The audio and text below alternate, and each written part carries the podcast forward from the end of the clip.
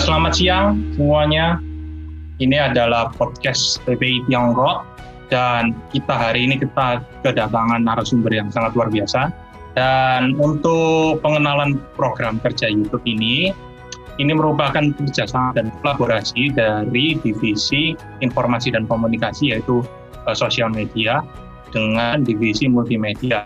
Dan di sini juga moderator uh, nanti kita akan juga perkenalan diri. Dan ini uh, podcastnya lebih ke arah santai, jadi hanya berbincang-bincang kepada narasumber yang telah berkuliah di China.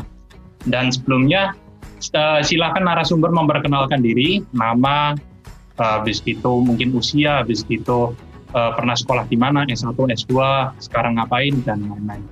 Persilakan. Uh, halo teman-teman, uh, nama saya Hari, usia saya 29 tahun. Terus saya dulu S1-nya saya di saya kan asal Medan ya. Jadi saya S1-nya itu di Universitas Sumatera Utara. S2 saya kebetulan saya lagi bisa beruntung dapat beasiswa di hmm, Taoyuan Peking University. Jadi sekarang saya uh, kerja work from home karena masih COVID kan ya. Jadi masih belum bisa ke China. Jadi sebenarnya udah taken kontrak, udah di udah tekan kontrak lah sama perusahaan China cuman karena covid jadi masih belum bisa balik gitu. Jadi untuk sementara work from home itu aja sih kegiatan sehari harinya sama ya kadang-kadang ngedit video upload YouTube juga. Itu ya. aja. Nah, dan, Harry, dan uh, saya ya. sangat berkait bisa dapat dari jadi it's my honor sharing dengan teman-teman. Ya Terima kasih Ko Heri atas perkenalannya. Ya terima kasih juga Ko Heri sudah memberikan kesempatan kepada PPI Tiongkok untuk menjadi narasumber dan uh, sekaligus moderator juga yang untuk kelangsungan program kerja kita. Dan izinkan saya perkenalan terlebih dahulu, saya moderator satu, saya adalah Nicholas Jevon, sekarang berusia 19 tahun, berasal dari Surabaya, lalu saya sekarang berkuliah di Zhejiang University, mengambil jurusan informasi manajemen dan sistem. Lalu saya sekarang juga masih di uh, Indonesia di Surabaya karena kita juga tidak tahu kapan kita masih bisa balik. Dan untuk nextnya itu semester ketiga tahun kedua. Nah, sekian dari saya sebagai moderator satu, mungkin moderator dua bisa memperkenalkan diri. Oke, selamat siang semuanya. Saya adalah moderator kedua atau dipanggil Victor Chandra. Sekarang saya kuliah di Peking juga, dekat sama Koheri juga. Saya lebih tepatnya di Beijing Likong Tashi, tahun kedua semester ketiga. Umurnya udah kepala dua sih. Masih menginjak umur 20 nih. Jalan kedua satu. Dan semoga lancar ya kita hari ini. Boleh lanjut perkenalannya ke pengawas nggak nih kira-kira? Boleh, boleh silakan pengawas. Ya, uh, saya adalah pengawas di sini. Nama saya adalah Ryu Agusto, bisa dipanggil Ryu. Uh, saya berkuliah di Guangdong University of Foreign Student di Guangzhou dan sekarang juga udah kepala dua ya, lumayan tua. ya, semoga podcast hari ini berjalan lancar. Iya. Baik, terima kasih atas perkenalannya semua. Lalu untuk ini sesi pertama yaitu untuk pengenalan diri dan kita akan masuk ke sesi kedua dan memulai sesi podcast ini. Ya, eh, Koheri kami dari tim BPI Tiongkok eh, memiliki beberapa pertanyaan juga dan ingin mengetahui eh, gimana sih cara survive di Peking University karena itu juga salah satu universitas top di China, yaitu nomor satu kalau nggak nomor dua, dan itu memang hanya berganti sama Tsinghua, memang Peking, Peita, Tsinghua, Peita, Tsinghua. Jadi itu juga suatu prestasi yang sangat luar biasa. Uh, terus kita juga uh, dari PPI Tiongkok merasa sekarang adalah momentum yang tepat untuk mengadakan podcast dengan tema ini karena kita tahu juga next semester itu uh, semester baru untuk mahasiswa baru yang baru masuk. Nah, itu kan juga bingung semua mereka, kasihan juga. Dan juga anak-anak SMA yang kelas 12, kan pada saat SMA kelas 12 pasti bingung semua, mau kuliah di mana nih? Mau di dalam negeri, atau di luar negeri, atau di mana mau milih universitas apa, jurusan apa. Dan semoga dengan ada podcast ini kita bisa memberikan sedikit wawasan dan uh, tips and trick. Oke, baik. Sip, sip, sip, Untuk sip. pertanyaan pertamanya, kita akan tanyakan, uh, Koheri ini kan S1-nya di Indonesia ya, di Medan. Nah ini kenapa yeah. kok S2-nya kepikiran nih ke Tiongkok? Kok nggak ke misalnya di Aussie, di Australia, atau di US, atau di Singapura, atau di negara-negara Asia yang lain? Uh, jadi ini bisa dibilang jodoh sih. Jadi kebetulan tahun 2016 aku uh, ngikutin sebuah pelatihan guru karena kebetulan aku guru ngajar Mandarin gitu. Karena S1 aku itu juga jurusan sastra Mandarin gitu di Universitas Sumatera Utara. Jadi aku ikut pelatihan guru ke Beijing kebetulan. Nah itu diadakan oleh Hanpan ya uh, selama tiga minggu. Nah, abis itu aku dapat momentumnya itu di sana. Jadi aku merasa, ih kok kayaknya kuliah di luar itu enak ya. Padahal sebelum S1 itu, eh setelah lulus S1 itu aku kan ngajar ya. Aku tuh sama sekali nggak pernah kepikiran mau S2 gitu. Terus dapat momentum ini, ya udah dapat gitu. Nah, kenapa aku memilih China? Karena sesuai dengan karir aku dong kan aku guru gitu ya. Jadi kalau harusnya kalau untuk mau lanjut S2 tentang bagaimana cara menjadi guru dalam mengajar bahasa Mandarin itu itu cuma bisa ada dua tempat gitu. Jadi di China atau di Taiwan. Nah, kenapa aku pilih China? Sebenarnya aku pernah kepikiran untuk ke Taiwan juga. Tapi kenapa aku pilih China? Karena beasiswanya itu menurut aku lebih generous. Jadi di China itu kita bisa lebih banyak gitulah pilihannya gitu. Sementara di Taiwan itu setelah aku riset itu aku nggak tahu sekarang ya tapi zaman aku dulu itu kebanyakan universitas itu sebelum masuk ke universitasnya itu nggak ada jaminan kalau kamu bisa dapat beasiswa. Jadi kamu harus masuk dulu, bayar SPP dulu, baru kamu apply beasiswa yang tahunan dan itu tiap tahun itu itu cuma setahun setahun kalau yang dari aku pelajari dulu. Nah itu yang pertama beasiswanya itu lebih generous. Yang kedua karena aku melihat zaman sekarang itu China itu salah satu dari negara yang ekonominya itu paling berkembang. Jadi aku itu jadi lebih pengen tahu sebenarnya itu ada apa sih di China gitu loh. Jadi dari dua faktor ini yang kemudian aku akhirnya lebih pilih China di luar daripada background aku yang sebagai guru ya. Hmm, iya iya, ya karena saya juga merasa uh, China berkembangnya sangat pesat, begitu banyak sekali orang yang ingin ke China, China. Sekarang kalau nggak ya pendidikan yang paling bagus mungkin sekarang di US kalau nggak di China banyak sekali masyarakat Indonesia juga belajar. Lalu uh, kenapa kepikiran ke Peking University ya uh, Koheri? Karena uh, gini, kalau orang-orang Indonesia mungkin nggak dengar, aduh Peking University, aduh kelasnya itu kayak terlalu tinggi kan. Peking University termasuk kayak Ivy League-nya US, Ivy League-nya China gitu. Aduh sulit nih, gimana caranya masuk? Aduh uh, nanti gimana nanti pas pembelajaran bisa ngerti sama guru terus ngobrol sama teman gimana? Nah ini alasan kenapa uh, bisa sebutkan Mbak Eri kenapa alasan-alasan memilih Peking University alasannya sebenarnya waktu itu aku juga simple aja sih. Jadi aku searching uh, daftar peringkat universitas terbagus di China. Jadi aku memang uh, aimnya itu top university gitu kan jadi ketemu keluar beberapa nama Beijing Daxue, Tsinghua Daxue, Fudan Daxue, Shanghai Jiaotong Daxue. Jadi uh, dari empat pilihan tadi ada dua di Beijing, ada dua di Shanghai. Itu karena setelah di riset-riset ternyata Tsinghua ini nggak buka jurusan yang aku mau. Jadi pilihannya jatuhlah di Beijing Daxue. Jadi akhirnya aku dalam beasiswa aku apply dua universitas kan aku masuk jalur beasiswa ya. Jadi uh, boleh dikasih dua pilihan. Jadi aku pilih yang pertama Beijing ya di Peking di Beijing. Dan sebenarnya kalau jurusan aku uh, Hanyu ya Teaching Chinese itu universitas terbagus di seluruh China itu ada namanya Beijing Yuan Taxue. Itu si Victor pasti tahu PU itu adalah PBB-nya jadi banyak sekali mahasiswa internasional di sana dan di sana teaching Chinese-nya itu paling bagus. Tapi kekurangannya universitasnya itu kecil.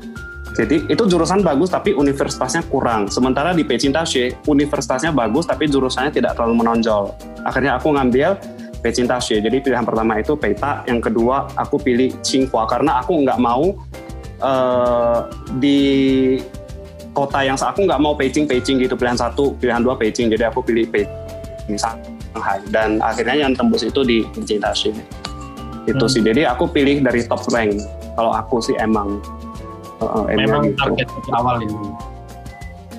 Iya karena sebenarnya waktu aku apply juga itu kan kita mesti kalau yang beasiswa aku kan itu mesti nyari organisasi-organisasi yang tanpa yang masuk ya. Dan dari organisasinya aku cari di tempat aku itu di Medan itu bahkan sampai ngomong kenapa kamu mau ke Beijing? gitu kan. Kenapa nggak mau ke gak tahu orang Medan itu suka banget ke Guangzhou dan Shenzhen.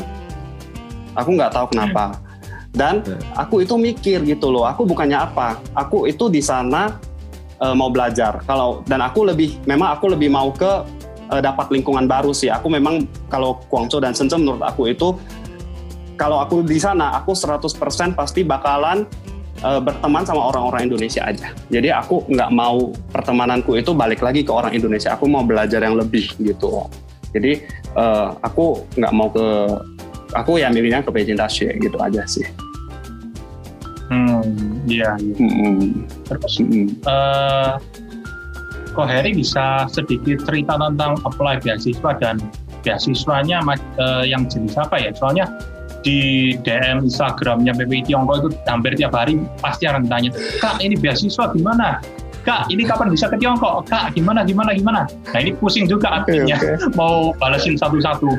Jadi lebih baik kalau misalnya ada narasumber yang udah pernah apply, yang udah pernah berhasil. Jadi mungkin Pak Heri bisa ceritakan sedikit pengalaman untuk apply beasiswa. Uh, sebenarnya aku waktu lihat pertanyaan ini agak itu ya jenis beasiswa itu sebenarnya banyak ya. Ada beasiswa yang dari government, dari pemerintah China, ada yang dari pemerintah Indonesia misalnya LPDP atau bahkan dari institusi di Indonesia banyak yang ngasih beasiswa juga atau bahkan dari lokal government sana misalnya di kota Beijing atau misalnya di kota kamu atau di kota Shanghai itu ngasih beasiswa. Jadi sebenarnya beasiswa banyak. Cuman menurut saya yang paling gampang diakses itu ada dua yaitu uh, ada satu sebenarnya kalau untuk keseluruhan jurusan yaitu Chinese Government Scholarship atau Chinese Scholarship Council ya. Itu ada dua panggilannya CGS atau CSC. Nah, itu yang paling umum. Kalau yang aku tahu orang ke China itu lebih umum ambil dua beasiswa ini. Nah, sementara kalau aku, aku nggak ambil CGS atau CSC, tapi aku ngambilnya Confucius Institute Scholarship atau CIS, CIS Jadi mungkin proses registrasinya agak beda karena aku kalau proses registrasi aku ya uh, untuk beasiswa aku coba uh, rangkum sedikit. Jadi aku itu apply online, habis itu ngumpulin berkas, terus aku nyari organisasi uh, atau institusi yang mau menjamin aku ke sana yang tadi aku cerita yang saran aku ke Guangzhou dan Shenzhen itu aku harus nyari satu institusi. Setelah aku dapat aku apply terus habis itu tes masuknya itu cuma dari universitas aja. Jadi kalau dari universitas lulus ya aku lulus gitu. Tapi ada tahap-tahap saringannya gitu sih. Tapi kalau untuk tes ya cuma tes dari universitas sekali doang. Hmm. itu sih. Jadi aku apply-nya online semua soalnya ini banyak banget yang tanya. Jadi uh, dan ada kalau aku boleh kasih tambahan, kayaknya kalau emang mau niat cari beasiswa, perbanyak aja eh, baca-baca uh, atau cari-cari dari Google gitu. Karena nanya sama admin PPIT tadi kan kamu juga bilang kan itu admin nggak bakalan tahu karena kita maksudnya juga banyak orang yang DM aku gitu kan karena aku buat YouTube gitu kan memang view-nya udah uh, udah paling banyak jadi kelihatan banget orang Indonesia tuh mau nyari beasiswa di China. Tapi kalau nanya aku beasiswa apa, ya aku cuma bisa kasih tahu. Yang aku tahu itu cuma CGS. Tapi misalnya sekarang nih lagi ada beasiswa ITAI ILU atau One Belt One Road gitu. Nah itu aku udah nggak tahu uh, proses administrasinya mau gimana. Yang jelas beasiswa banyak. Asal kamu memenuhi kriteria nggak untuk dapetinnya. Menurut aku sih. Uh, uh, tinggal gimana kita nyari informasi aja. Karena ini kan zaman informasi. Rajin baca aja. Iya, iya benar. Lalu uh, ya seperti yang Ko Heri udah sampaikan, kan kalau mau apply beasiswa harus mengikuti tes dari universitas kalau di Peking University. Nah, kalau misalnya orang mau apply ke Peking University, mau pakai universitas, uh, mau pakai scholarship, mau pakai beasiswa atau uh, jalur biasa, nah itu ada tes interview atau tes tulis atau bagaimana uh, prosedurnya kalau mau ke Peking University. Kalau ke aku ngomongnya khusus spesifik packing ya dan spesifik untuk beasiswa aku uh, interviewnya itu cuma satu kali tapi dibagi menjadi dua tes. Yang pertama adalah in tes tertulis. Dan ter tes tertulis ini dia mau culture kita punya Han Nengli jadi kemampuan berbahasa Mandarin kita untuk jurusan aku ya jadi uh, dikasih teks terus kita disuruh rangkum dan ditanya bagaimana point of view kita tentang uh, cerita tadi atau bagaimana menurut kamu pendapat kamu tentang ini bla bla bla. Nah itu sekitar dua jam. Tes tertulis. Tes interview nah setelah itu kalau saya nggak salah itu uh, berselang beberapa jam atau mungkin berselang beberapa hari saya lupa. Itu uh, dari tertulis dulu baru interview Nah itu ditanyakan adalah hal-hal yang menurut aku itu basic banget kalau menurut aku yang point of view. Jadi kamu biasa ngapain aja, terus nanti kamu uh, keseharian ngapain, kamu dulu kerjanya sebagai apa, kenapa kamu mau ke China gitu. Dan terus mungkin yang lebih akademik adalah ditanya kenapa kamu nulis skripsi kamu itu misalnya skripsi aku dulunya adalah perbedaan Changchang dan Wang Wang. Nah, itu nanti diuji. Coba kamu jelaskan perbedaannya ini, ini, ini, ini, gitu. Jadi itu yang lebih ke akademik sih menurut aku. Sisanya menurut aku itu sih uh, lebih ke ngobrol santai ya kalau aku ya. Uh, interview hmm. yang lisannya. Hmm. Jadi uh, itu, itu uh, aku tambahin lagi itu yang aku uh, aku ya. Terus ada teman aku itu mereka interviewnya beda lagi. Kita sama-sama beasiswa, sama-sama dari luar negeri, tapi aku interviewnya online via QQ. Mereka yang dari Malaysia itu ada yang langsung ke Peking University-nya tes di sana dan tes langsung ke sana itu tesnya lebih gawat lagi. Kamu disuruh ngajar di depan selama 15 menit. Habis itu benar-benar tesnya itu benar-benar formal banget. Jadi uh, dari beasiswa aku dari Peking University kayaknya dia ada dua jenis tes yaitu online dan offline. Nah, aku juga sampai sekarang nggak tahu kenapa aku dapat yang online dan kenapa ada Malaysia uh, mahasiswa Malaysia yang dapat offline yang disuruh langsung ke sana. Cuman aku tahunya ada dua emang. Mm -hmm. Hmm, iya. Hmm. Memang mungkin udah jalannya memang ya. Iya. udah dikasih dimudahkan gitu. Ya. Dimudahkan. ya, bisa kok Heri bisa uh, nyampein ulang uh, ini jurusannya Pak Heri pas pada saat S2 apa ya biar lebih jelas aku Hanyu atau Teaching Chinese as Second Language. Jadi spesialisasi ngajar bahasa Mandarin ke orang-orang yang bukan penutur bahasa Mandarin. Uh, untuk bahasa utama pasti uh, bahasa ini ya bahasa Mandarin ya dan ya, pakai bahasa uh, Mandarin. Apa subjeknya untuk S2 yang untuk Teaching as Second Language ini cuma Mandarin aja atau ada pelajaran lain yang mata kuliah lain yang agak beda dari jurusan? Mata kuliah kebanyakan adalah bagaimana cara prepare kita sebagai seorang guru itu apa yang harus kita ketahui kan. Jadi itu dari segi uh, nengli. Jadi dari selain segi cuannya nengli atau kemampuan mengajar kemampuan profesional kita, kita juga dibekalin satu tahun itu kita ada belajar kaucihan jadi itu bahasa Mandarin yang susah banget menurut aku itu kita ada belajar basicnya di sana gitu. Nah, selain daripada itu, ya kita paling belajar uh, semua yang berhubungan tentang guru lah, bagaimana cara melakukan pofo bagaimana cara mengajar yang baik, bagaimana budaya-budaya China, ya yang kurang lebih seperti itulah yang uh, mengitari tentang bagaimana to be a good teacher atau bagaimana cara menjadi pengajar yang baik. Mm -hmm. Terus, uh, ya kami juga mau bertanya, gimana sih lingkungan pertemanan atau lingkungan mahasiswa, lingkup mahasiswa, terus habis itu daily life-nya itu gimana ya kalau situasinya di itu sendiri? Lingkungan mahasiswa ya, karena terutama di kelas kami kan itu pembagiannya jelas banget ya. Uh, Liu Xueseng itu punya pisiuknya sendiri atau mata kuliah wajib, dan kita punya mata kuliah pilihan. Jadi mata kuliah wajib itu mata kuliah yang harus dipilih oleh Liu Xueseng dan sementara ada Chongguo Tongxue yang mereka juga punya mata kuliah wajib mereka sendiri dan mereka juga punya mata kuliah pilihan. Nah, jadi dari sini sebenarnya kelihatan banget kalau ada eh, mahasiswa di kelas kami itu 60-an orang itu dibagi menjadi dua kelompok yaitu kelompok mahasiswa internasional dan kelompok mahasiswa lokal. Nah, jadi otomatis pertemanan kami lebih ke mahasiswa yang belasan orang itu aja yang dari luar negeri gitu loh kalau saya ya. Cuman kadang-kadang kalau memang kita lagi mau ngisi SKS nih bahasanya ya mau ngisi SKS biar bisa lulus. Jadi saya ngambil mata kuliah biar bisa lulus bukan karena mau belajar. Ya itu kita mau nggak mau kita harus pilih beberapa yang uh, barengan dengan Cungguo ya. Nah di situ kita bisa bergaul dengan mereka atau punya kesempatan gitu. Selain daripada itu yang di kampus Nah, kalau yang di asrama itu paling ya tetangga-tetanggaan lah sama kamar sebelah itu gimana orang. Tapi itu asramanya juga orang internasional semua. Jadi kalau menurut aku lingkungan pertemanan kita lebih ke benar-benar uh, dengan local friend-nya itu kita jarang banget sih. Lebih ke internasional karena kita jarang ketemu mereka itu juga jarang banget. Paling seminggu dua kali lah kalau mata kuliah pilihan atau tiga kali empat kali. Mm -hmm. Iya. Nah, mm-hmm. terus uh, apa pendapat Ko Heri tentang mahasiswa yang orang Tiongkok? Nah, kan Ko Heri juga udah pernah paling ya seminggu dua kali tiga kali pernah bertemu satu kelas. Nah, kalau kalau dari Indonesia kayak SMA saya di Indonesia ya, kalau gurunya tanya pasti gak ada yang angkat tangan kan, pasti oh nggak mau nggak mau malu malu malu.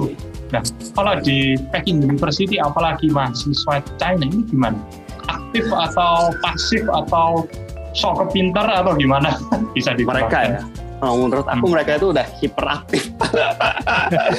Jadi pernah sebuah kejadian uh, si Lawsonnya ini di depan dia lagi nanya pendapat. Terus ada mahasiswa Chung Tongxi itu yang angkat tangan terus dia kasih pendapat akademik dia dong.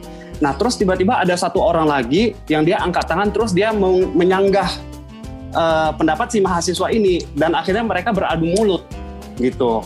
Tapi abis itu mereka fine fine aja gitu loh. Jadi yang aku bisa petik dari sini adalah yang pertama mereka itu memang critical thinking banget. Jadi pola pikir mereka itu kritis banget. Dan mereka itu benar-benar datang ke, ke menurut aku ya karena emang udah masuk mungkin uh, Paki University itu mungkin salah satu alasan uh, karena kan universitas terbaik jadi mungkin bebannya berat. Terus dari mungkin dari chat Himpei mereka juga lingkungan keluarga mereka kan banyak yang anak Nah jadi mereka itu mau nggak mau punya tuntutan kalau saya nggak sukses siapa yang bahagiain orang tua gitu. Jadi tuntutan dari keluarga terus tuntutan dari lingkungan gitu juga mengharuskan mereka itu sangat kompetitif sekali di sana.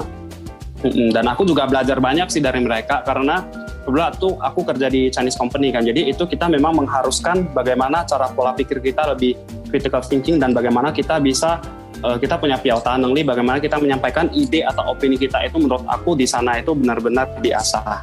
Kalau di Indonesia ditanya pada diam semua, kalau di sana diam ya nggak nggak dapat belajar apa-apa gitu ya kita cuma dengar aja gitu. Tapi kalau dosen nanya mungkin mungkin nilai kita kurang gitu kalau misalnya pas kita yang disuruh uh, mempresentasikan opini kita atau pendapat.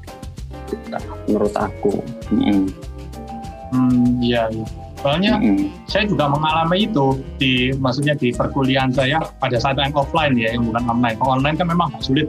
Kalau interaksi sama guru kan harus video call request gimana gimana. Nah kalau yang pada saat offline yang semester saya eh, semester satu saya juga merasakan begitu. Begitu gurunya tanya langsung ada 10 angkat tangan. Habis gitu yeah. kalau misalnya gurunya ngomong nanti kalau tambah ada yang uh, yang tanya jawab plus poin, wah itu tambah satu kelas angkat tangan semua kayaknya. Dan orangnya Susah. mungkin uh, gimana cara penyampaiannya itu memang beda ya dari orang Indonesia ya memang luar biasa mereka dan hmm. gimana ya saya juga pada saat itu juga agak minder soalnya mau angkat tangan tapi bahasa Mandarin saya juga yeah. masih pas-pasan nanti mau ngomong kepikirannya kan Indonesia yeah. baru translate yeah, yeah. Chinese kan yeah, yeah. kan nggak bisa langsung nggak bisa kan jadi memang agak minder juga saya pada saat itu nah Terus uh, untuk ini untuk teman-teman juga ya penjelasan uh, tambahan.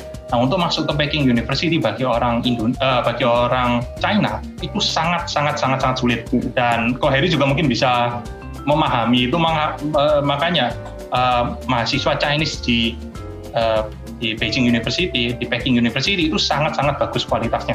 Dan untuk masuk ke Peking University sendiri itu harus melalui tahapan yang namanya Kaokao. Dan ini juga uh, moderator dua sama pengawas yang pernah SMA di China mungkin sudah iya. mengetahui lebih lebih dalam juga. itu. Uh, uh, pendapatnya mungkin nanti juga bisa dibicarakan juga. Karena setahu saya uh, nilai maksimum untuk Kaokao itu kan 750. uh, sekitar 700 ya. Dan untuk masuk ke Peking University itu harus di atas 680 sampai ke atas 690 pokoknya di atas itu kan. Atau kamu prestasinya misalnya udah pernah menang juara olimpiade matematika satu China nah itu baru bisa masuk. Hmm. dan ya kan jadi uh, menurut saya memang orang-orang berkualitas jadi Peking University memang nggak salah untuk jadi number one di China. Mungkin juga uh, moderator juga moderator kedua bisa menambahkan pendapatnya tentang Kaokao karena juga pernah pernah SMA di China. Kalau dari kampusku itu ya kalau masuk masuk ya kalau Kaokao itu sekitaran berapa ya? Lu pego, lu pego 6, 650 ke atas lah ya. Kalau Beijing Beijing Tasya mungkin harus 700 ya. Setuju sih. Karena kalau kita kayak orang luar SMA di situ sih nggak mungkin dapat 300. itu emang bener-bener bisa dibilang bener-bener sulit banget untuk masuk untuk masuk ke Beijing Beijing Tasya atau Tsinghua Tasya atau Fudan Tasya atau Shanghai Jiaota gitu. Karena untuk kita lihat sendiri ya, untuk masuk ke kampusku juga butuh minimal HSK 5 nggak tahu ya kalau Beijing Tasyo ya berapa minimal HSK-nya dan HSK 5 itu juga eh, sudah sudah. Udah udah setengah nyawa itu ya. Setengah nyawa sih ya enggak sih. Cuman cowoknya itu emang agak susah kadang-kadang. Apalagi perbedaan antara HSK 4 dan HSK 5 itu bisa dibilang ya kayak jauh Gimana ya perbedaannya antara HSK 4 dan 5 itu ya?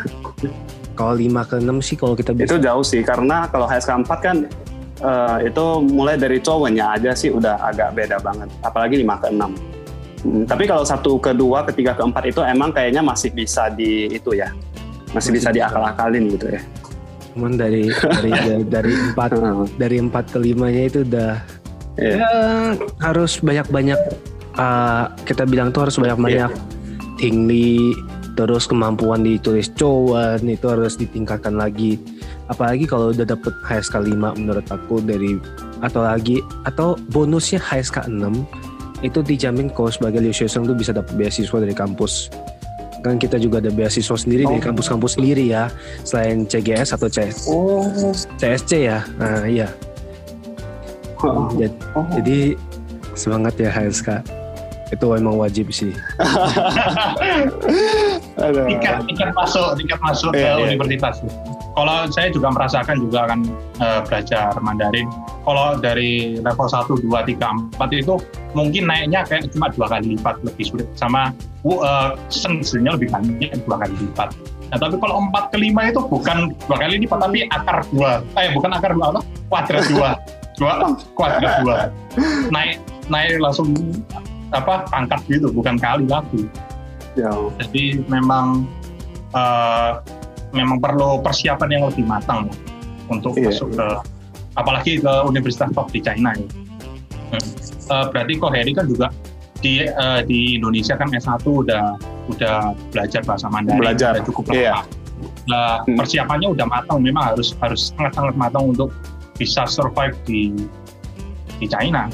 Jadi hmm. ya itu sih itu yang uh, pendapat saya. Jadi untuk teman-teman juga yang untuk masih kelas 12 atau mungkin ada yang lihat podcast ini masih SMP kepingin ke China. Wah itu harus itu itu cocok itu kalau SMP harus dicicil ya, oh, dari, harus dicicil wah tambahan. oh, tambahan nih. Aku dulu boleh, pas, boleh, boleh. aku dulu pas SMP sih kayaknya nggak cicil-cicil langsung nembak deh ada langsung nembak ke sana. Jadi untuk teman-teman yang dengar podcast kita ya, jangan takut. Kejar aja terus. Dapat kok dapat banyak kok peluangnya kalau masuk si Cina. Yang penting bisa yang penting tingkatkan kemampuan di listening sama menulis saja. Terus juga main-main di sengse gimana cara untuk memorize sengsenya dijamin HSK 5 atau enggak HSK 6 bisa dapat deh. Dan mungkin yang senang lihat drama daripada kalau bosen lihat Korean drama pindah Chinese drama langsung HSK ah, langsung naik ya ya benar iya iya iya itu membantu banget sih. Bantu ya. Hmm. jadi ya tidak apa-apa sih. Atau lihat sosial medianya punyanya Tiongkok. Itu uh, kayak TikToknya Tiongkok. Uh, bisa jadi entertainment, bisa juga belajar. Jadi belajar. oke okay lah menurut, menurut By the way, kalau ya sih benar sih. Tapi Chinese Chinese drama juga banyak banyak banget yang bagus. Terus bahasanya juga mudah di mudah dipahami juga sih. Mungkin dari situ bisa ngelatih tingli ting kalau kita bilang itu tingli nengli ya. Karena untuk HSK 5 pun hmm. tinglinya juga udah sepantaran dengan Chinese drama. Udah lumayan susah ya. Iya. Terus kan cewek-cewek banyak nih nonton Chinese drama dibanyak-banyakin gitu maksud aku biar nanglinya apa sih bisa bisa dangkep lah tingginya.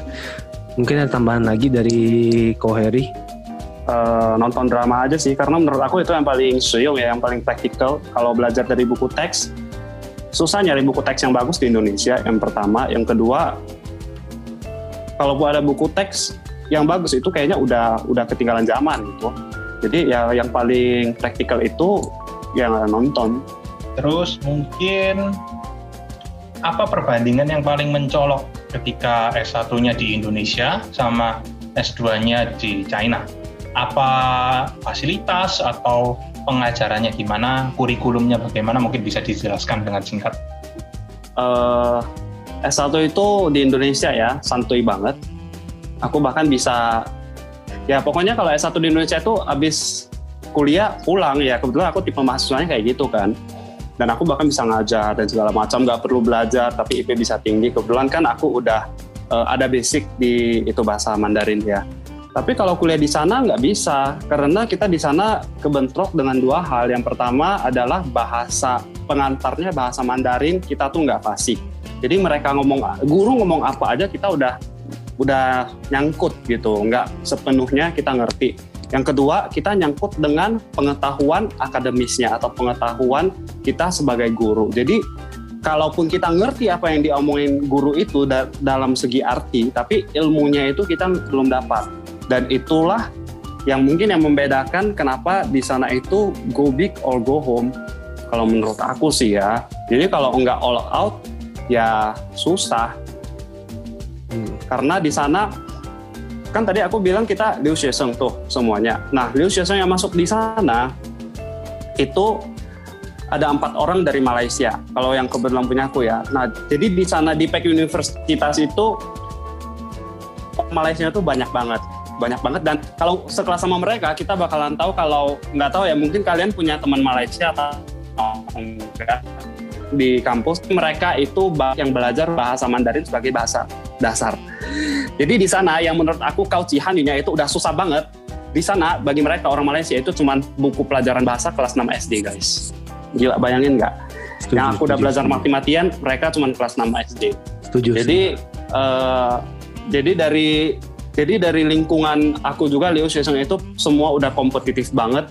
Itu satu yang Malaysia. Ancaman kedua terbesar adalah orang Liu Xiaoseng yang pura-pura atau yang pakai topeng kalau menurut aku adalah mereka yang orang China tapi imi mereka imigran ke Mexico atau mereka ah. imigran ke Norwegia atau mereka imigran ke New Zealand terus mereka ngambil beasiswa CIS untuk masuk lagi ke Beijing ya nah itu udah mind blowing banget duar terus mereka ngapain di sini duar kenapa nggak pilih universitas lain atau kelas lain kenapa harus bareng gue gitu jadi Banyak ya banget. dari dua sisi itu sih Ingin Huanci sama Cuan Nengli aku rasa itu benar-benar susah ngejar di sana. Harus benar-benar fokus sih kalau di sana. Okay. Mm-hmm. okay, aku ada moderator dua menambahkan. aku ada pertanyaan pribadi sih, based on experience ya. Kalau di uh. kelas ada nggak sih Liu Sesek yang pakai recorder buat ngerekam? Karena kalau di rekam buat apa tuh? Karena kalau di kampus aku setiap kali kita belajar gitu ya pas lagi kelas gitu ya, ada beberapa dosen sengaja ngerekam apa dosennya, ngerti nggak? Jadi mereka pas baik susah bisa belajar lagi dari playbacknya gitu. Karena jujur aja ya kalau di Beijing koinnya beda, terus mereka ngomongnya juga. Oh iya, kayak apa ya? ya. Kod ya, mana ada terus mereka ngomongnya kayak supersonic gitu. Ya nggak sih? Ya, Kalau di pasti. S2 begitu nggak sih? Gaya cara pengajarannya gitu nggak sih? Kok? Eh kita mungkin nggak tahu ya kamu jurusannya itu juga dibagi ke eh, mata kuliah Liu Xueseng Pisuke dengan Xueseng-nya itu dibedain sama orang lokal ya. Dibedain, tapi tetap aja pengajarannya sama. Oh, soalnya kalau punya kami kan dibedain ya. Jadi Hmm, karena untuk aku, Victor dulu.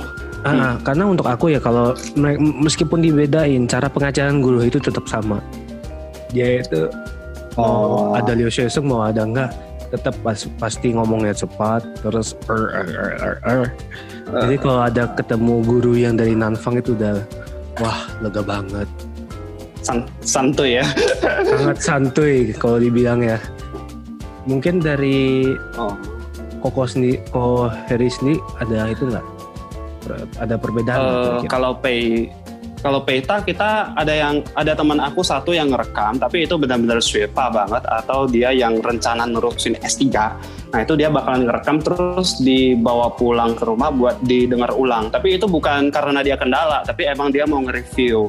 Kalau untuk yang kendala guru ngomong dan direkam kayaknya nggak ada deh.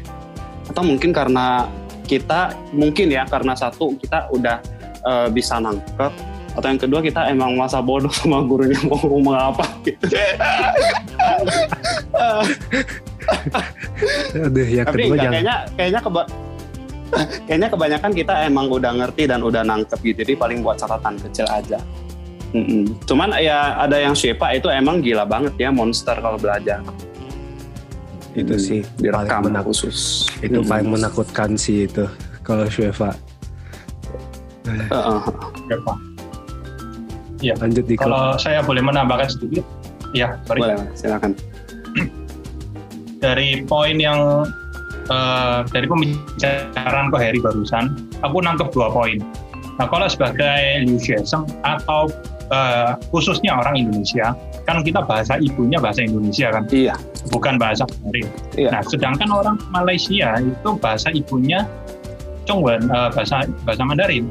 Jadi kalian juga jangan kaget kalau misalnya masuk ke universitas di China, terus eh, mahasiswa Malaysia itu ngomong bagus, habis gitu pinter itu itu wajar.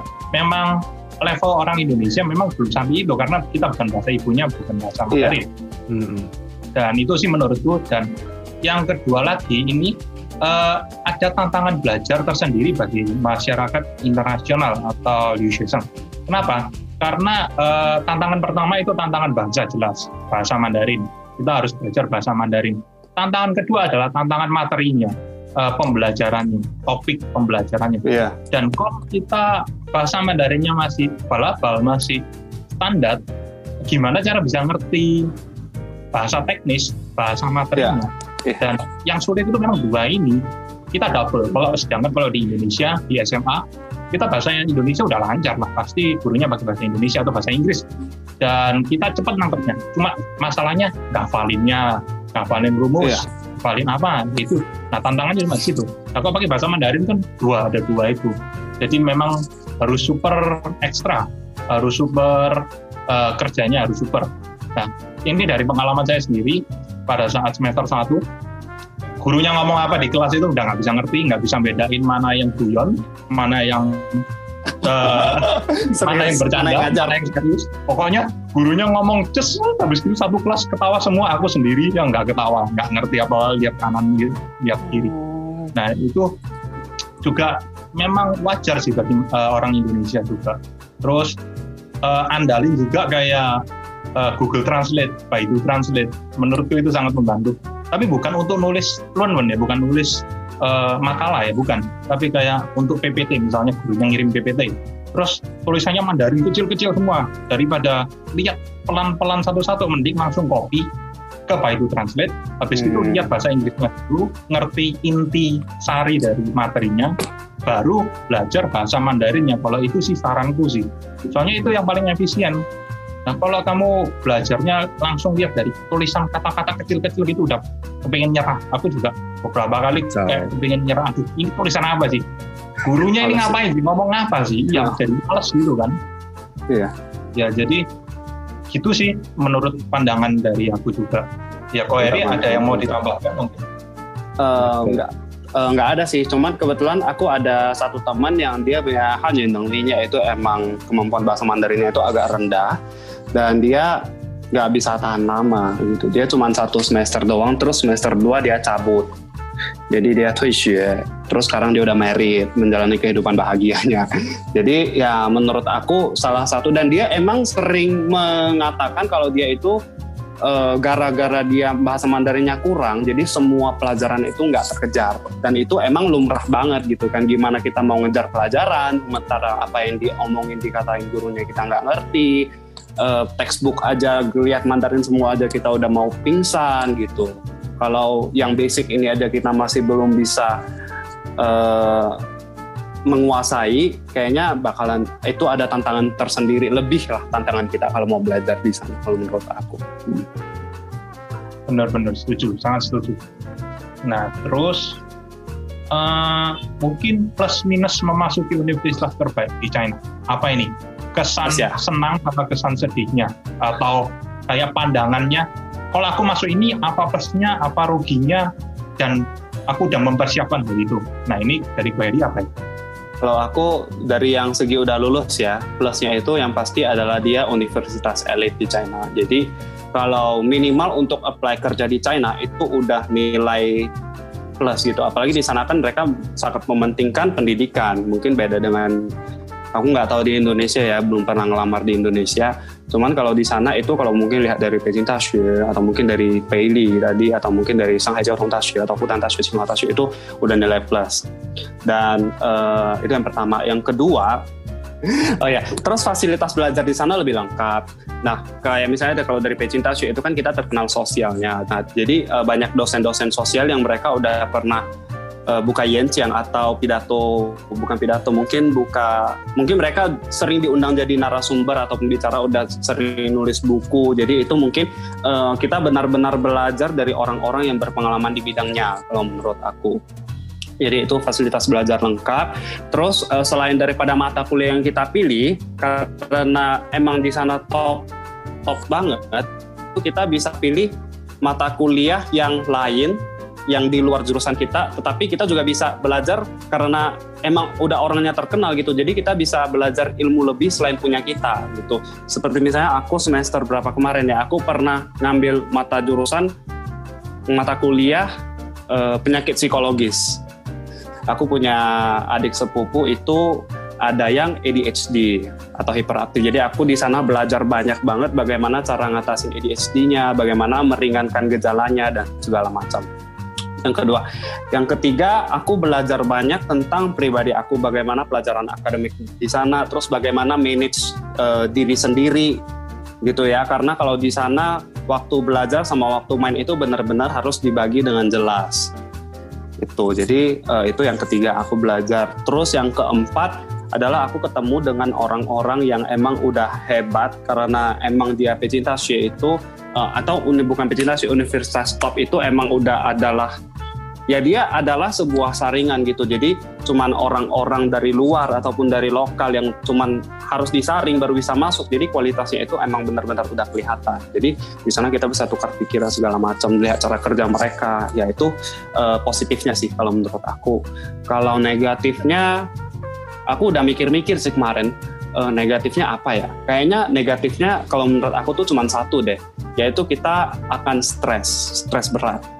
Jadi karena mungkin bukan di top aja, mungkin kalian-kalian juga pernah merasain stres ya, uh, ngejar pelajaran segala macam. Tapi mungkin di top itu karena mungkin karena lingkungan kita itu emang udah semua udah mahasiswanya outstanding, kita merasa jadi minder kayak yang tadi kamu bilang, ya kita terpacu dan terpacu itu kalau kita ada target kita nggak tercapai kita jadi stres. Ya menurut aku itu aja sih yang untuk negatifnya overall. Hmm. Hmm. Untuk moderator kedua ada yang membahas, ingin yang dibahas? Ada tambahan? Sebenarnya dari pengalaman pribadi dari pindah dari suatu region dari selatan dari Nanfang pindah ke Peifang atau region utara itu kehidupan sehari-harinya sih. Kehidupan sehari-harinya akan berbeda jauh. Jadi misalnya kalau kalian mau milih kota-kota region utara atau top university ya kok ya kayak Shanghai, Fudan Dashi, Shanghai Jiaotong Dashi, Beijing Dashi atau Tsinghua Dashi kalian harus siap dengan mental kalian dan semuanya itu harus dilakukan dengan secara cepat kecuali kalau di kalau kamu bilang tadi Guangzhou, Shenzhen, Xiamen itu daily life-nya mungkin agak sedikit slow atau santuy santuy santuy bener santuy itu kalau untuk orang-orang yang santuy inilah yang di sana. Tapi kalau orang-orang yang mau ambisi ya gede mau ngerasain gimana rasanya hidup cepat ya monggo. Silakan kalian pilih. Dicoba gitu. Tapi emang sih kalau sudah Iya, terbiasa iya. dengan kehidupan itu otomatis kehidupan kita sini udah berbeda jauh lah. Beda, beda banget banyak ya. Nah, banyak lah efek positif ya kalau bisa dibilang ya. Hmm, dan iya. Gimana ya kalau untuk stres sih mungkin ada lah karena kita juga ikut terpacu. Misalnya kalau kita tidak dapat apa namanya target kita mungkin kita akan kepikiran terus. Tapi kalau bisa teruslah berjuang jangan berhenti gitu loh. Karena cobaan di depan itu masih ada banyak dan harus dilewati gitu loh. Itu cuman ada ujian kehidupan.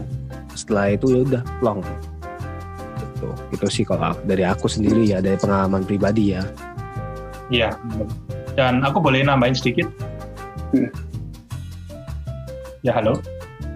ya boleh boleh boleh silakan silakan Ini juga pengalaman hidup juga.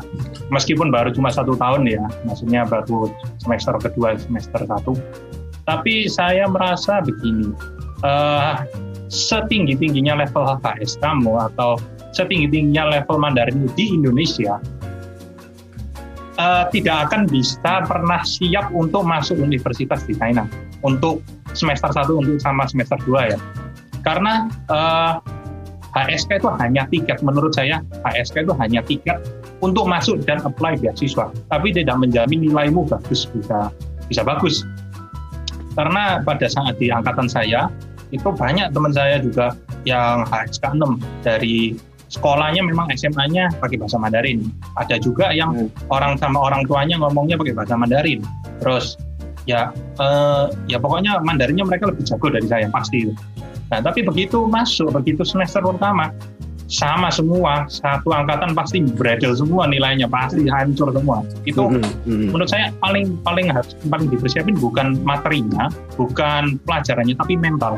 Ya saya Mental. setuju juga dengan moderator kedua sama Ko Heri juga. Mental yang harus paling siap mental. Udah kalian harus pikirnya berjuang, nggak boleh santai. Ya boleh santai-santai sih, cuma harus dikontrol harus harus pintar-pintar menyesuaikan diri. Terus Hmm. ya itu sih yang saya juga uh, terus sharingkan ke teman-teman saya yang terus junior-junior mungkin yang mau masuk.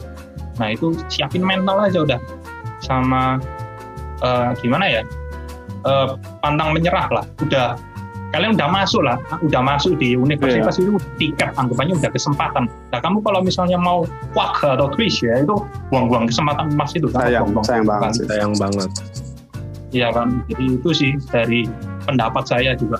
Ya, kalau saya ditanya sama teman saya, stres. Lah, ya bukan stres lagi nih. Udah, kepalanya udah muter-muter. Udah pusing. lagi udah Cuman ya, jalan. Otak. Justru nanti kalau lulus menurut saya, yang seru itu cerita-cerita susah-susahnya ini. Iya. Nanti kalau ketemu sama teman-teman, itu kan kita berjuangnya itu kan sama-sama habis gitu nanti ingat kenangan-kenangan lucu kenangan-kenangan kita nangis kayak atau pusing kayak teriak-teriak gimana itu, itu yang seru sih menurut. gitu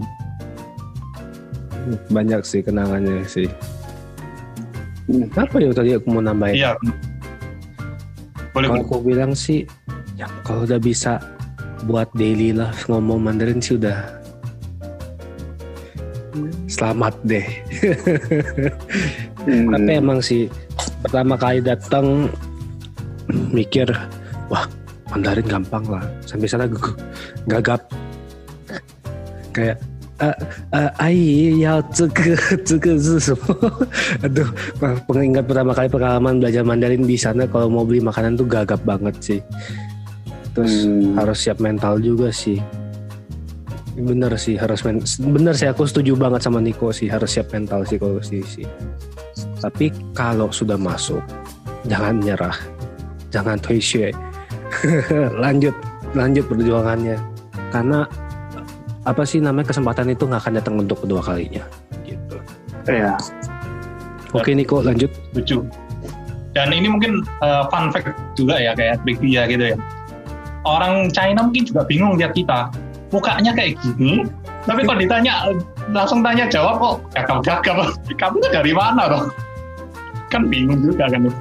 Tetap tetap uh, tetap kalau aku ditanya dari mana tetap ngomongannya tetap Indonesia tetap memang udah udah mendarah daging lah Indonesia cuma kadang itu ya uh, sedih juga kayak uh, Indonesia kan juga kurang masih kurang di Kenal. dikenal dikenal kurang dikenal kita ngomongnya Bali baru mereka oh Bali Iya, ya iya, iya, iya. Aneh ya. Kata-kata emas itu Bali Indomie udah itu menurutku jadi ya semoga mahasiswa Indonesia ini bisa terus berkembang terus memberikan budaya lah ke membawa budaya Indonesia ke Tiongkok biar Iya. kita ini senang juga lah orang Indonesia kalau Indonesia dikenal sama masyarakat internasional jadi itu sih eh, mungkin pendapat dari aku ya terus untuk sesinya yang ini sih dari pertanyaan dari tim PP Tiongkok udah udah cukup. Dan mungkin sesi ketiga bisa dipandu oleh moderator kedua tentang Q&A yang kami sudah buat di Instagram selama mungkin dua hari yang lalu. Itu kita buka IG story. Habis itu teman-teman juga antusias banyak ada mungkin sekitar 30 pertanyaan dan kita rangkum menjadi lima pertanyaan. Hmm. dan lima pertanyaan ini udah rangkuman udah inti dan mungkin Ko Heri juga bisa menyampaikan pendapat dan pemikiran. Oke silakan moderator kedua Ko Victor bisa memimpin Oke, bentar ya, ganti posisi dulu. Ini jadi 30 pertanyaan jadi 5 nih ceritanya. Mengerikan sekali. nah ini ketumpuk-ketumpuk kok soalnya kok ada banyak Mungkin, mungkin maksudnya intinya sama gitu. Jadi ganti ya benar Oh, kedobel kedobel eh, Oke, oke, oke, oke. Aku ngeliat pertanyaan ini sih sebenarnya juga ada beberapa sih yang dari diri sendiri juga sih mau nanya. Oke kok, Oh gitu ya. uh, cincai lah ya, cincai lah ya. Iya, Ada iya, pertanyaan pertama dari Jason Wijaya dan Nabila Anissa.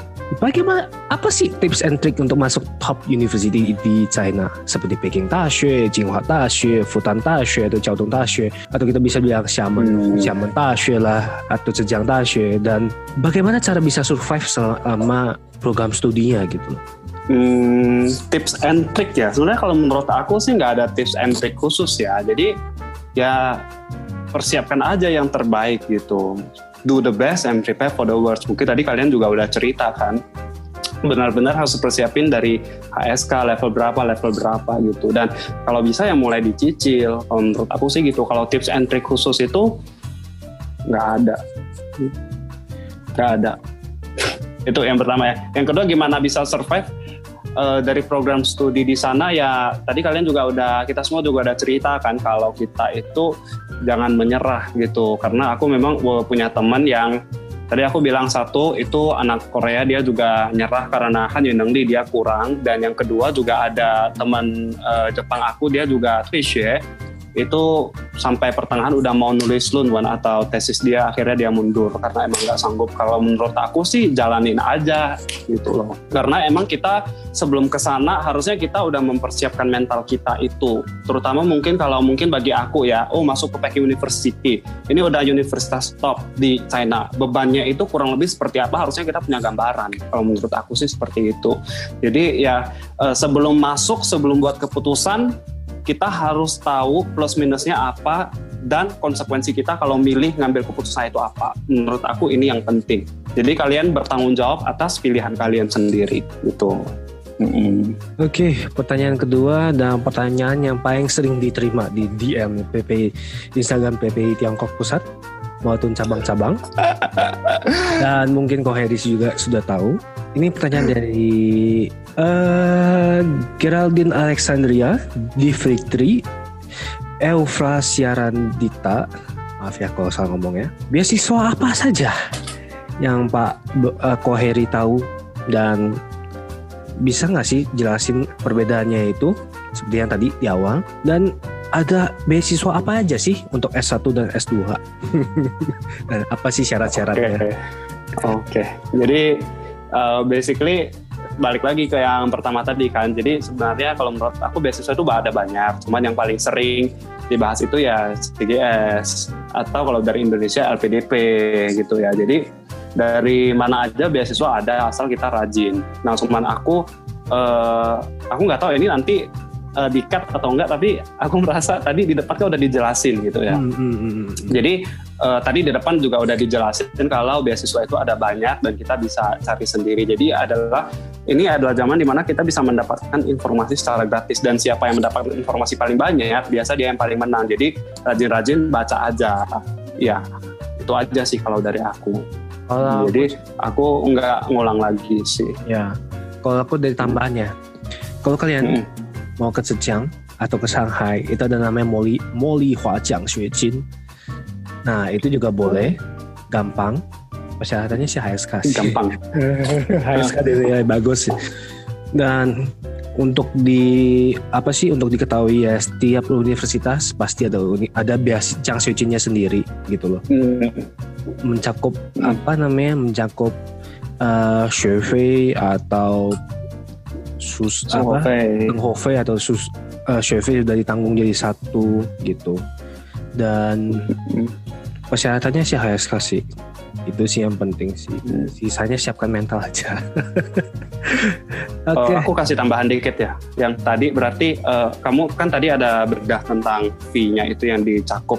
Jadi hmm. uh, kalau dari segi SI itu mungkin bagi teman-teman yang belum tahu itu kan di kita nanti dicakup fee-nya adalah uh, uang kuliah itu gratis, Sengkope kita setiap bulan dikasih duit, Hmm. S1 2500 ya kalau nggak salah, S2 3000, S3 3500 renminbi per bulan. Dan itu di Beijing sudah cukup-cukup banget. Kalau lu nggak dugem dengan catatan ya. Dan enggak jangan tambah Aduh. nom, nom, itu nom, yang kedua. uh, yang ketiga adalah uh, biaya tempat tinggal kita juga ditanggung. Jadi asrama mm -hmm. udah free gitu dan aku mau aku mau nambahin nih ada beberapa tipe beasiswa yang khusus cuman buat belajar Mandarin. Contohnya yang Koheri. Oh, ada. Ya, Koheri ambil Kongzi Xueyan Xiang Xuejin. Itu adalah salah satu beasiswa yang khusus buat bagi yang mau belajar bahasa Mandarin. Mungkin buat guru atau atau untuk jadi translator Misalnya kalau kalian mau jadi guru bahasa Mandarin atau translator Mandarin, Kong Zeshuan Jiang Xiujin adalah beasiswa yang tempat untuk diambil. Dan mereka juga kasihnya, tahu aku kasihnya juga banyak ya untuk belajar Mandarin dan apa universitasnya kayak Beijing Yuan Tashi itu memang top memang top. universitas top yang mereka top kasih banget. yang Xiujin dan itu juga sangat-sangat meringankan biaya lah ya kalau bisa dibilang ya yeah. jujur sih emang bener sih dan oke kita lanjut ke pertanyaan berikutnya dari Tam Tamia Bagaimana cara untuk stand out dan dapat bersaing dengan calon-calon mahasiswa dari negara lain? Apakah personal statement harus bagus atau nilai SMA harus bagus? Oke, jadi kalau pertanyaan ini um, menurut aku cukup bagus. Ya sih, emang gue yang nilai gitu ya. Uh, maksudku adalah uh, kita emang perlu. Jadi maksudku adalah kita emang perlu tahu kan kita perlu out, kita perlu perform bagus di mana aja baru bisa diterima. Nah kalau kita lihat dari segi seorang kalau jadi guru yang ngasih nilai ke kita, kan mereka nggak tahu kita itu gimana. Nah, bagaimana cara mereka tahu kita itu bagus? Hmm. Yang pertama menurut aku adalah yang paling jelas adalah HSK itu perlu. Yang kedua adalah surat pengenalan diri kita atau mungkin yang tam tam tam yang yang disebut tam tam tadi adalah sebagai uh, personal statement. Nah itu mesti dipoles benar-benar bagus. Dan yang ketiga, aku nggak tahu S1 perlu atau enggak, tapi S2 kayaknya S1 perlu deh adalah surat rekomendasi. Yes, yes. Dari profesor atau associate profesor. Nah jadi dari semua semua beasiswa yang di China, kayaknya setahu aku yang bisa dimodifikasi cuma tiga ini HSK personal HSK atau nilai SMA lah atau nilai kuliah kita Hmm. Yang kedua adalah personal statement atau surat uh, atau surat pengendalian diri. Yang ketiga adalah surat rekomendasi. Jadi yeah. tiga ini yang bisa dimodifikasi dan cuma tiga ini yang perlu kamu poles benar-benar dengan bagus. Itu aja kalau menurut aku adalah bagaimana cara kita bisa outstanding dari calon kompetitor yang lain. Hmm, dan juga banyak-banyak gabung organisasi. Karena itu juga dilihat juga di Jam Oke. Okay. Uh, eh, pertanyaan selanjutnya dari Sam Chan. Sorry, boleh motong sebentar? Uh? Boleh. Uh, kok Harry apa perlu ngecas HP atau gimana? Uh, pindah login atau mau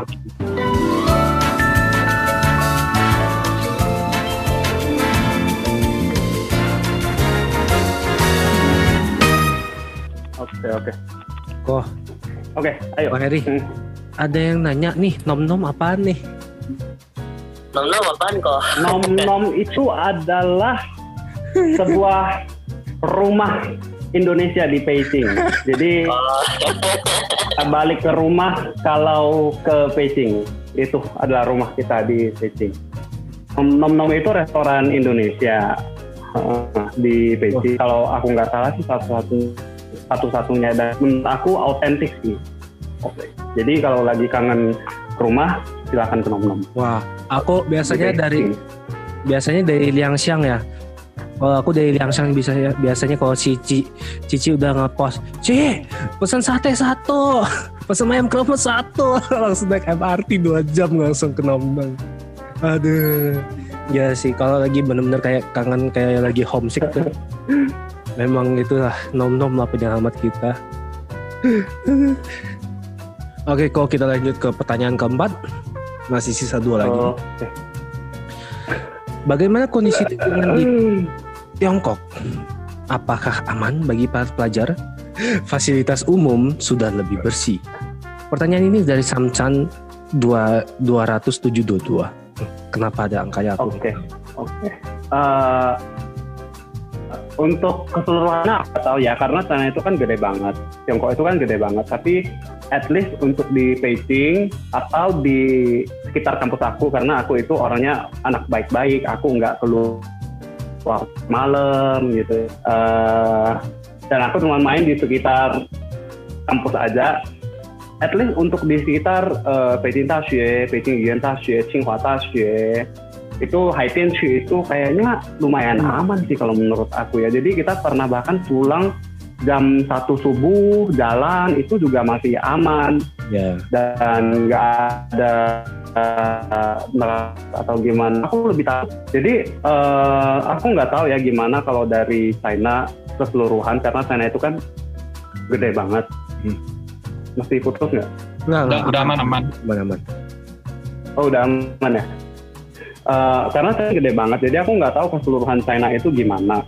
Tapi yang aku tahu kalau di Beijing khususnya di sekitaran kampus aku Peita ya Tsinghua atau Beijing Yuan Daxue itu termasuk aman karena aku pernah jam subuh jam satu subuh itu pulang ke dari lagi ngumpul sama teman pulang ke itu pulang ke asrama jalan 15 menit 30 menit nggak masalah jalan gitu. Iya. jadi menurut aku sih relatif aman ya. Malahan aku lebih takut kalau jam satu subuh dari di kawasan Medan ya. Naik motor 30 menit aku tuh lebih takut Tahu-tahu pulang dibegal.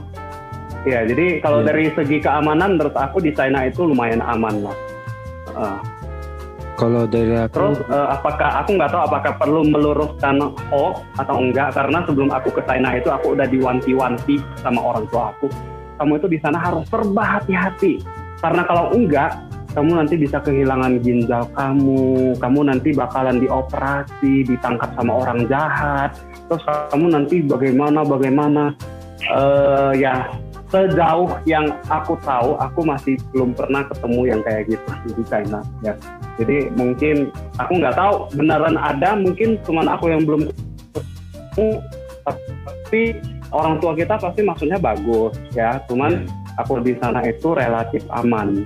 Hmm. Hmm. Untuk perlindungan. Mungkin ada yang mau ditambahkan? untuk pelindungan diri sih emang wajib ya karena kan kita orang luar ada kita ada berada di negara Iya, yang iya. kita negara lain Mm-mm. pelindungan diri memang wajib dan keluar pagi itu tidak disarankan tapi dari based on my experience atau dari pengalaman untuk aku tinggal di daerah Chungkwanchun atas aku Haitian jadi Koheri ini jadi ada di atas aku untuk Chungkwanchun sendiri untuk subuh itu aman juga salam dari Chungkwanchun jadi jujur aja kalau keluar malam itu di Cina tuh lebih jauh lebih aman Asik. daripada Indonesia. Jauh lebih aman. Dan menurutku dari pengalaman aku sendiri aman daripada lokal. ya fasilitas umum sejauh ini sudah lebih bersih. Ya kita nggak bilang kotor lagi ya. Emang sudah benar-benar bersih dan ya nggak usah takut lah ya karena emang pengalamanku sendiri mengunjungi kota-kota kayak Qingdao, Shanghai, Wuxi, eh, Nanjing atau yang Guangzhou lah, Nanning, Guilin itu emang udah bersih dan nggak usah ditakutkan lagi. Tapi untuk apa namanya keamanan diri sendiri emang harus itu emang wajib karena kita bukan di negara kita sendiri. Tapi untuk hoax kayak iya. kayak operasi kayak gitu kayaknya enggak deh belum ketemu. memang Iya. sih memang tapi emang nggak nggak pernah ketemu sih ya emang belum pernah Mm-mm. pernah ketemu dan kita kembali ke pertanyaan Apa? paling terakhir Boleh menambahkan? Hah? Hah? Oh iya. Boleh menambahkan sedikit? Hah? Jadi benar setuju dengan Ko Heri dengan Ko Victor juga eh, China relatif aman meskipun malam pun itu juga aman dan ya memang tidak disarankan untuk keluar malam. Hmm. dan setidaknya harus ada teman. Keluar itu harus ada teman atau gerombolan. Lima orang ya minim dua tiga orang lah itu udah oke lah. Yang penting ada ya mungkin juga ada teman cowok mungkin yang bisa bantu juga protek dan itu juga disarankan. Tetapi sejauh ini saya juga aman sih, eh, nggak ada nggak ada kegiatan yang yang membahayakan sampai ke mengancam hidup itu nggak ada. Terus yang lebih membahayakan itu bukan kasus-kasus itu. Nah, yang lebih membahayakan itu pada saat winter naik motor jam satu malam kena snow, kena angin malam itu lebih sakit itu. Ah yes. Pas winter aku pernah kepleset Oh. naik motor listrik. Eh, Iya, iya. apalagi aduh kalau di Beijing kalau udah snow udahlah pagi-pagi itu udah licin lah siap-siap sepatu boot lah. Aduh, aku pernah kepleset Iya, iya. ya mau jalan ke kelas nginjek es udah tamat riwayat bukan Ya Allah. berarti salju itu nggak bagus cuman abis saljunya itu sih yang ngeselin banget kadang-kadang Iya. Ya ini untuk informasi teman-teman aja, Beijing itu eh, kawasan lebih atas. Nah sedangkan kalau saya di Zhejiang provinsi Zhejiang Daxie itu agak bawah. Nah kalau Beijing itu hampir setiap tahun ya bener ya, eh, apa turun salju, hampir setiap tahun. Tahun paling tahun paling sekali dua kali ya. Cuman Iya. tahun lalu sama tahun ini kayaknya lebih ramai kayaknya. iya Bisa tahun sampai 7-8 kali. Kalau pas tahun saya tahun paling dua kali maksimal. tahun aku Hmm, kemarin ya. malah itu badai salju Iya kan, kok. kayaknya tahun lalu tuh rame banget gitu saldunya Ya, lebih rame banget sih. Aku nggak tahu kenapa. Hmm. Terus yang aku paling kesel di Beijing itu kenapa dia tiba-tiba bisa uh lihat QQ wah apa namanya Ang, eh, eh, uh, uh, win warning win level fengqi fengqi itu cici atau 霸气 atau ya kalau kita lihat di QQ ya malam-malam lagi subuh-subuh tiba-tiba bus angin gede angin kencang terus apalagi pas suhu yang minus angin kencang itu sering terjadi di Beijing dan siap-siap aja kalau Dingin aku banget. sih anginnya sih bisa nusuk sampai tulang sih saking dinginnya sih Iya, iya, iya, iya, dingin, Iya. dingin banget. terus kadang-kadang bisa badai pasir secara tiba-tiba aduh sudah Iya, iya, setuju. setuju. oke Boleh dilanjut, boleh. Oke. Dan ini adalah pertanyaan terakhir untuk kita pada hari ini. Untuk Ko Harry, kualitas apa yang membedakan universitas top daripada universitas yang lain? Apa sih yang membedakan univ-univ ternama? Apakah mereka lebih bagus dari universitas yang lain atau gimana? Ini pertanyaan dari teman kita Reta atau istilahnya Reta Reta. gimana kok Heri? uh, kalau menurut aku sih ya sama kayak yang tadi aku cerita ya karena universitas itu dia concern dia kan emang udah berfungsi sebagai sebuah saringan gitu jadi uh, otomatis yang masuk itu pesan juga kualitasnya itu juga pasti udah masuk mahasiswa yang oke okay, baik lokal ataupun interlokal jadi kita bisa banyak belajar dari sana nah itu dari segi uh, link fasilitas uh, itu dari segi um, mahasiswanya. Nah, kalau dari segi pengajarnya sendiri ya tentu saja kita dibekali mungkin kalau di Universitas Top adalah dari pengajar-pengajar terdepan gitu yang pengalamannya udah paling banyak, yang emang paling berpengalaman di bidangnya gitu. Jadi uh, lebih ke mungkin kita dapat ilmunya lebih lah daripada universitas biasa ya. Dan mungkin dari saran kalau dari kayak kalau kayak dari sarana kayaknya sama aja deh. Kayaknya Universitas China itu semua ada kolam renangnya, badminton, lapangan badminton, lapangan basket itu kayaknya sesuatu yang wajib ya kalau di uh, Universitas China gitu. Kamu nggak tahu di universitas kalian ada nggak yang kayaknya itu basic ya, basic requirement ya? Apa? Uh, apa uh, kayak lapangan badminton, lapangan tenis, lapangan sepak bola, lapangan sepak bola, iya. Yes. Atau kolam renang. Ya, itu kayaknya basic oh. karena setiap kampus ada lapangan jogging sendiri. Pasti ada ya. Ya, badminton. Iya, iya. Jadi Uh, uh, uh. Ya paling itu aja sih kalau dari aku. Mungkin uh, dari segi mata kuliahnya Universitas Top itu lebih oke okay lah mungkin lebih tersedia banyak gitu. Jadi nah di presentasi itu sering ada orang yang dia datang dengar dia cuma tangking satu pelajaran habis itu dia pulang. Dan dia udah jadi mahasiswa hangking itu udah selama 20 bahkan 30 tahun karena dia pengen cuma cari ilmu aja. Gitu sih. Jadi emang benar-benar menunjukkan kalau kualitas pelajaran di top university, top university itu mungkin emang lebih bagus Oke. Okay. Mungkin oh. saya ada pertanyaan tambahan tapi dikit ini.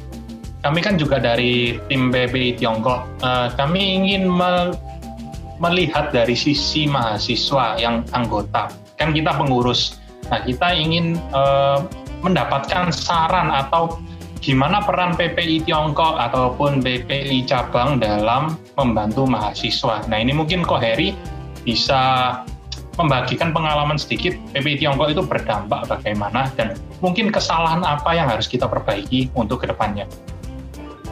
Waduh, jujur ya, saya uh, saya waktu masuk ke saya waktu apply dan waktu saya masuk itu saya sama sekali nggak kenal anggota PPIT dan bahkan saya nggak tahu ada sebuah komunitas yang namanya PPI Tiongkok gitu. Jadi saya ke sana sendiri dan bahkan sampai saya di airport itu saya bingung mau ngapain. Akhirnya saya kontak teman saya, dia jemput saya nginep di hotel semalam. Abis itu semua prosedurnya saya sendiri gitu. Dan uh, jadi aku nggak bisa komentar banyak gitu kalau misalnya anggota PPI yang lain gimana karena aku nggak punya pengalaman gitu Cuman kalau dari saya sendiri uh, emang semuanya sendiri gitu jadi sampai harus pesen hotel, naik taksi dari hotel ke uh, kan kita mau foto ya, registrasi ke registrasi itu ke asrama segala macam jadi sendiri gitu. Jadi mungkin uh, kalau dari segi aku yang ini mungkin udah lari lagi, yang mungkin aku yang bukan anggota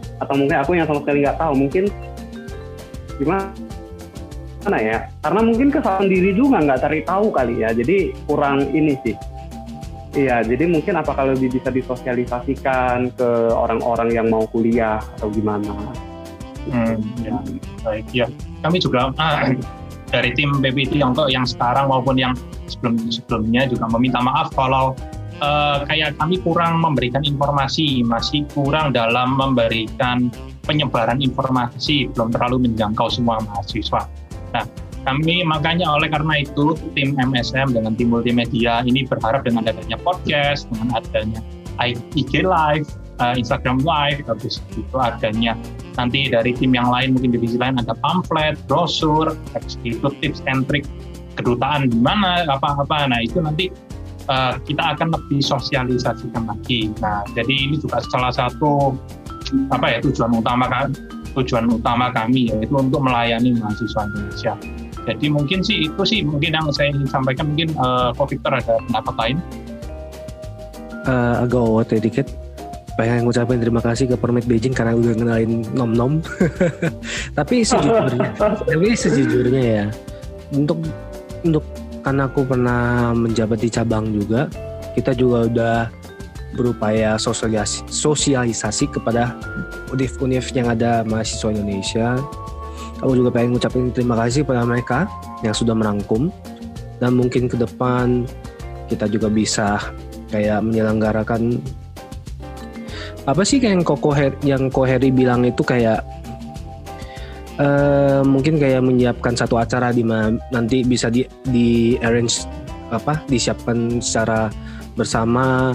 Terus kita ajak mereka jalan-jalan di kota-kota masing-masing ya ke PPI cabang ya untuk sosialisasi terus bener kata Nicholas tips and trick untuk kedutaan cara mengurus paspor hilang atau perpanjang paspor atau ngurus visa itu semoga nanti kami dari multimedia dan MSM juga akan membuat IG story atau video podcast tentang topik itu. Itu sih dari aku sih. Dan kami juga berusaha untuk mencapai uh, audiens yang lebih luas dan terutama mereka mahasiswa mahasiswa baru yang akan datang ke Cina. Dan mungkin kita akan siapkan panduan kira-kira ya apa yang harus disiapkan sebelum kita datang dan apa yang harus dilakukan ketika kita sampai di sana gitu.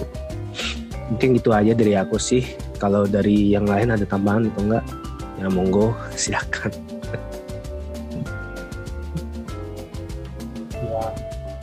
Uh, ya. aku nambah sedikit boleh boleh silakan silakan uh, jadi aku tadi mau cerita karena itu kan dari persepsi aku ya karena aku emang dari dulu itu aku emang nggak terlalu suka dengan kegiatan organisasi gitu. Jadi mungkin uh, itu adalah salah satu kesalahan aku yang bayar, bisa bayangin nggak sih kenapa ada orang yang mau S2 di luar negeri itu tapi dia nggak tahu ada yang namanya per, apa ada yang namanya PPIT gitu, Himpunan Pelajar Indonesia. Jadi itu menurut aku sih kalau di flashback karena itu aku kacau banget gitu. Lu mau kuliah di Tiongkok tapi lu nggak tahu kalau di sana itu ada perkumpulan gitu. Jadi lebih uh, kepada uh, sebenarnya personal orangnya juga sih menurut aku itu dia harus cari tahu ke informasi lebih kan yang tadi aku bilang gitu.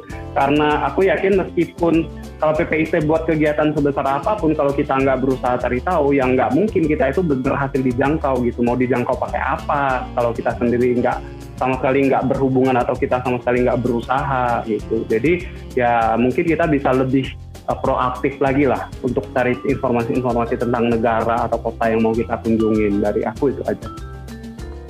Oke. Okay. Hmm.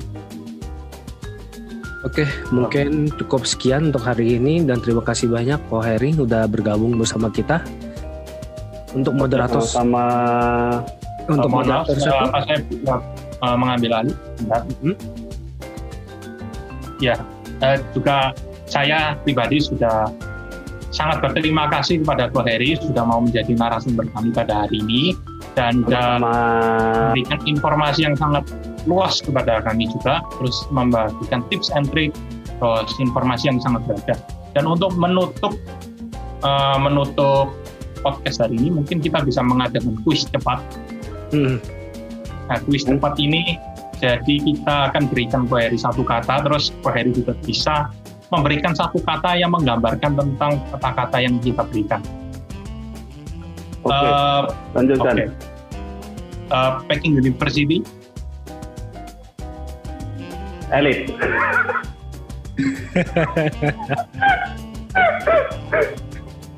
nice, nice, nice, nice, nice, nice, nice comeback, nice, nice. Uh, PPI Tiongkok. PPI Tiongkok ya, mahasiswa mahasiswa. Uh, negara China. Pangpian, efisien. Dan yang terakhir yang harus ada ini Indonesia. Rumah. Rumah. Indonesia tuh rumah. Eh, Oh ya, benar-benar. Ya. Ya, Eh, ini saya coba ya ya ini sangat berterima kasih juga sama Ko Heri dan ini mungkin eh, apa ya apresiasi saya juga kepada Ko Heri.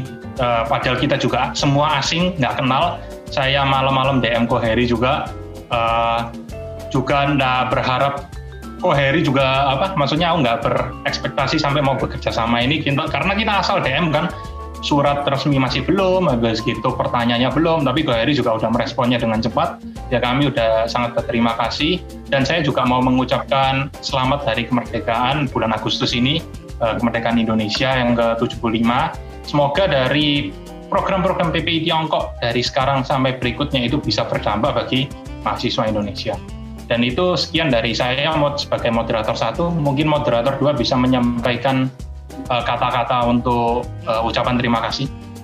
Oke, untuk kesempatan pada hari Kam Kamsya Koheri udah bergabung bersama kita dan siap, siap, siap, siap. sharing-sharing tentang pengalaman dia S2 di Cina. Dan di sini juga ingin berterima kasih kepada moderator satu dan pengawas yang sudah meluangkan waktu pada hari ini. Dan intinya makasih banyak. Dan selamat hari kemerdekaan Indonesia yang ke-75 dan mungkin ada tambahan dari pengawas Eh, Oke, dari aku sih makasih banget buat Ko Heri buat meluangkan waktu buat podcast ini juga moderator satu dan dua. Ya mungkin kalau eh, dan juga sama selamat mera- apa namanya 75 ini Indonesia ya. ya itu aja sih.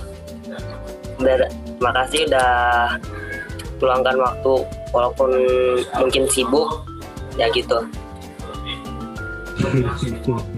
ya. Oke. Jadi ini eh, merupakan ujung acara. Semoga nanti podcast podcast podcast ke depannya bisa lebih bermanfaat dan mungkin juga teman-teman yang ingin membahas tema sesuatu yang ingin kita bahas, yang ingin kita undang narasumbernya, mungkin bisa eh, komen di DM atau di post atau di mana DM Instagram boleh PPI Tiongkok, at PPI Tiongkok. Dan ditambah lagi ini kok Harry eh, bisa juga mempromosikan YouTube, Instagram, monggo boleh. Query YouTuber, Eh, YouTuber Indonesia. Oh ya, jadi kebetulan saya youtuber yang masih kecil, yang baru mulai. Eh, aku juga senang sih bisa membantu teman-teman karena emang awalnya aku buat YouTube itu adalah aku mau eh, ngasih tahu oh kehidupan di sana itu gini, beasiswanya itu gini, kehidupan kuliahnya itu gini sih. Jadi ya kalau kalian emang tertarik, kalian boleh cek di YouTube aku di Hari Digikit nanti ada di sini nanti dibuat up. dan Instagram aku namanya sama Hari Didikit jadi boleh di tag aja. Jadi kalau kalian mau nanya-nanya tentang beasiswa segala macam boleh. Silahkan. Ya, nanti kita Baik, nanti- akan- apa namanya? Nanti kita Ya. akan eh, sautkan di link-link di bawah.